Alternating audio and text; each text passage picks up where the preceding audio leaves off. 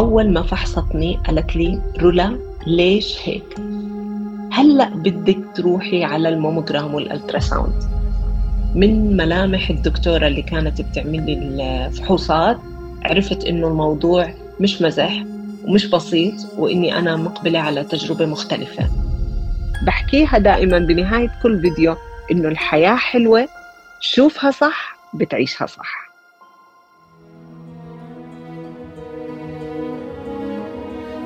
كانوا يحكوا عنه هداك المرض. يتجنبوا يسموه باسمه فصار السرطان بعبع بخاف منه الكل أول ما يسمعوا اسمه. رغم كتير من القصص اللي تغلبت عليه وقدرت إنها تنتصر بهالمعركة. المعركة مع السرطان مش سهلة أبداً ولا محسومة. المعركة بتبدأ من كل الحكي عنه والخوف منه لرحلة من العلاج الطويل والآلام الجسدية والنفسية. خاصة لما الشخص يبلش يفقد شعره وزنه وشهيته ورغبته للأشياء. إنه أنت عم تتذكري مشاعر بس حلو كمان إنه أنا عم بغسل هاي المشاعر عرفتي؟ يعني هاي هي الصعوبة. الحزن بتضاعف عند السيدات نتيجة خسارتهم لشعرهم اللي يعتبر واحدة من مميزات المرأة وسر لجمالها. بس بحلقة اليوم من بودكاست قصتها القصيرة رح نشوف كيف في سيدة قدرت تحول السرطان لرحلة للتواصل مع النفس واكتشاف الذات. ورغم الأوقات الصعبة تمكنت إنها تكون دائما قوية. بعد 19 سنة من الزواج وأنا قاعدة لحالي في البيت آه، حسيت كتلة في الثدي مباشرة أخذت موعد عند طبيبة النسائية والتوليد ورحت عندها. أول ما فحصتني قالت لي رولا ليش هيك؟ هلأ بدك تروحي على ال mammogram وال ultrasound نزلت من عندها رحت على ال mammogram وال ultrasound وهناك من ملامح الدكتورة اللي كانت بتعمل لي الفحوصات عرفت إنه الموضوع مش مزح ومش بسيط وإني أنا مقبلة على تجربة مختلفة. تأكد لي من وجه الدكتورة وحسب ما حكت لي إنه أنا عندي cancer وال cancer اللي عندي خبيث. ولازم أكون سريعة جدا بإني أروح أعمل آه، خزعة أو إني أراجع طبيبة آه، سرطان أو طبيب سرطان. رولا عصفور life coach وعندها خبرة في مجال الصحافة والإعلام. اشتغلت بأكثر من مجلة عربية وعملت مقابلات وتقارير وتحقيقات صحفية. يمكن هالخبرة ساعدتها كثير في حياتها. رولا سيدة متزوجة وأم قدرت عائلتها تكون معها في مشوارها من أول ما اكتشفت السرطان لقدرت إنه تتغلب عليه. طبعا وأنا نازلة في قصة بحب أحكي لك إياها لأنه هي فعلا كانت يمكن هي النقطة الأولى اللي حسستني إنه الموضوع مختلف. بقطع بالشارع عشان أروح عند موقف السيارات كنت عم بحكي مع ربنا سبحانه وتعالى بقول له هلأ وأنا عم بقطع بالشارع ممكن أي سيارة تمرق تخبطني ببساطة وأموت. طالما إنك أنت جبت لي هذا المرض أكيد أنت عارف قوتي وأكيد أنت عارف شو لازم أنا أعمل. أنا ما بعرف. الموضوع عندك دلني وين الطريق. وهون بدت الرحلة الجميلة اللي بقدر أسميها لاكتشاف الذات الرحلة المختلفة آه، بالنسبة إلي. ليش مختلفة؟ لأني أنا جعلتها مختلفة. لما عرف زوجي تولى هو مهمة إنه يحكي لابني وأهله. حكيت لأختي وأختي تولت مهمة إنها تحكي لأهلي. وهون ها أنا شعرت بالراحة لأنه كانت فعلا هاي الإشي الأصعب بالنسبة لي في هذا الموضوع. إنه كيف بدي أخبرهم. آه، لما راح عني هذا الموضوع بديت أنا أهتم بإنه شو بدي أعمل.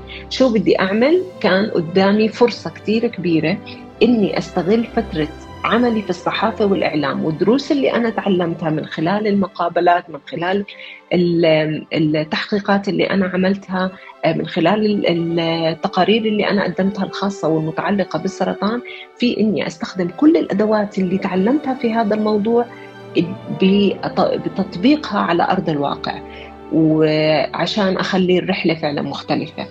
وممكن إنه حدا تاني يستفيد منها. رولا بتعترف إنه التجربة مش سهلة وإنه بدها تعب وشغل ومش لازم المصاب يهمل أي تفصيلة من تفاصيله أو جانب من جوانب حياته. ودور الناس اللي حواليه لازم يكون مهم يستمد منهم القوة ويستمدوا منه القوة. هي ابدا مش تجربة سهلة لكنها بنفس الوقت هي مش أكبر من قدراتنا ولا أكبر من قوتنا. إحنا بنقدر وبنكون قويين فعلا وبنكتشف إنه إحنا عندنا قوة مش طبيعية. اللي صار بالنسبة إلي وخلاه تجربتي مختلفة إنه استغليت كل الأدوات اللي آه، موجودة عندي خلال تجربتي في العمل الصحفي بالتقارير بالتحقيقات واللقاءات اللي خاصة بمرض السرطان. أخذت كل هاي الأدوات وتسلحت فيها علشان أعطي لنفسي قوة. بدأت آه، بثلاث آه، جوانب وركزت عليهم كثير اللي هم الجانب الصحي والجانب الروحاني والجانب النفسي. الجانب الصحي استشرت ثلاث أخصائيات تغذية عشان أعرف شو بدي آكل. بمعنى إنه شو لازم آكل عشان أرفع مناعتي. لأنه مريض السرطان بياخذ أدوية بتنزل المناعة فكيف بدي أكون عندي مناعة متزنة على الأقل ومش هابطة؟ آه، كمان بدأت في ممارسة رياضة المشي. كان صعب كثير إني أروح على أي نادي رياضة آه، عشان كورونا.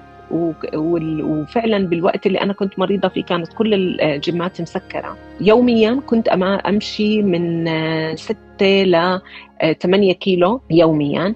آه، هذا بالنسبة للجانب الصحي. هلأ بالنسبة للجانب الروحاني مارست رياضة التأمل مارست اليوغا رياضة اليوغا.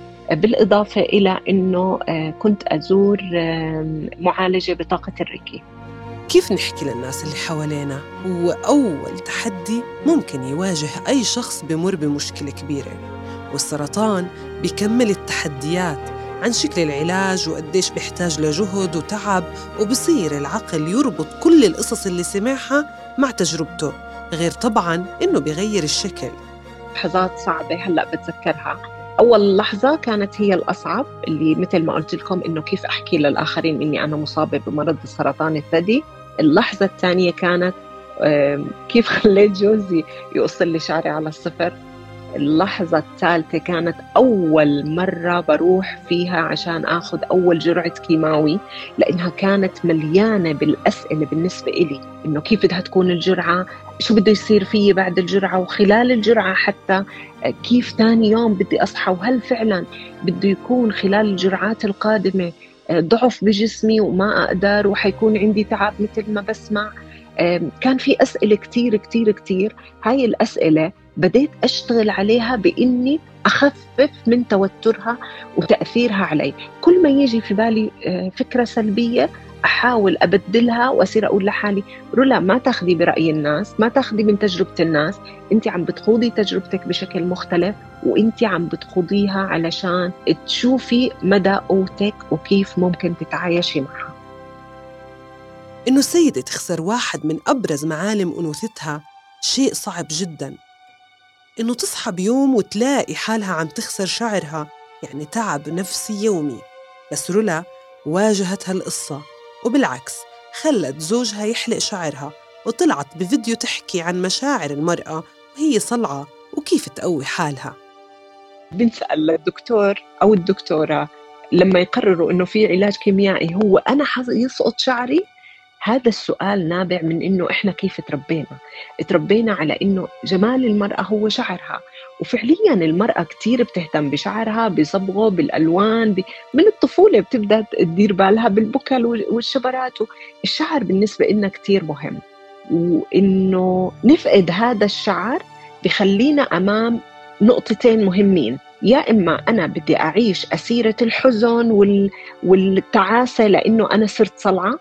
يا إما أنا بدي أبدأ أطلع الجمال الداخلي. وتطليع الجمال الداخلي بكون من خلال إنه أنا أبدأ أشجع حالي وأحكي مع حالي إنه أنا إنسانة جميلة جميلة من الداخلي جميلة من جوهري. آه، آه، الناس لازم تشوف فكري تشوف آه، كيف أنا بتعامل كيف بتصرف معاهم كيف بتصرف مع نفسي. واخلي ألفت نظرهم لطريقة للإنسانية اللي موجودة جواتي مش لشعري جوزي إنه يوصل لي شعري. ما خطر في بالي ابدا إنه أنا عم بشتغل على شيء نفسي. بس فعلا طلعت أنا عم بشتغل على نفسيتي ونفسيته. وهذه التجربة برغم من صعوبتها كانت كثير مهمة. لما بعد ما لقيت حالي صلعة وطلعت وفي فيديو أنا نشرته موجود وهو بقص لي شعري. بعد ما طلعت على حالي وأنا صلعة أول شيء قلته لحالي رولا معلش. وقعدت أيام أشتغل على إحساس رولا من خلال الطبطبة عليها. يعني كنت أضم حالي يوميا وأحكي لحالي إنه رولا معلش الموقف مو سهل. أنت هلأ من غير شعر لازم تكوني قوية لازم تتقبلي هذا الموضوع. أنت إنسانة من جوا حلوة. ما تخلي اهتمامك بحالك أو تقديرك لنفسك مرتبط بالشكليات. أنت من جوا حلوة فاهتمي بالأشياء اللي حلوة جواتك. هذا الطبطبة على نفسي والحديث مع نفسي خلاني أتقبل حالي كثير وصرت فعليا كل يوم الصبح لما أطلع بالمراي أحكي لحالي واو عن جد اللوك الجديد تبعي حلو يا الله أنا شو حلوة؟ والكلام اللي صرت أحكيه لحالي وأعززه بداخلي صرت أسمعه. كثير ناس من اللي حوالي صاروا يحكوا لي رولا شكلك كثير حلو. على فكرة لابق لك كثير الصلعة. جميلة كثير الصلعة وفعليا مش مجاملة بقدر ما أني فعلا كل شيء عززته بحالي من هذا الموضوع انعكس على وشي وأعطى هاي هذا الإحساس والمشاعر للناس اللي حوالي.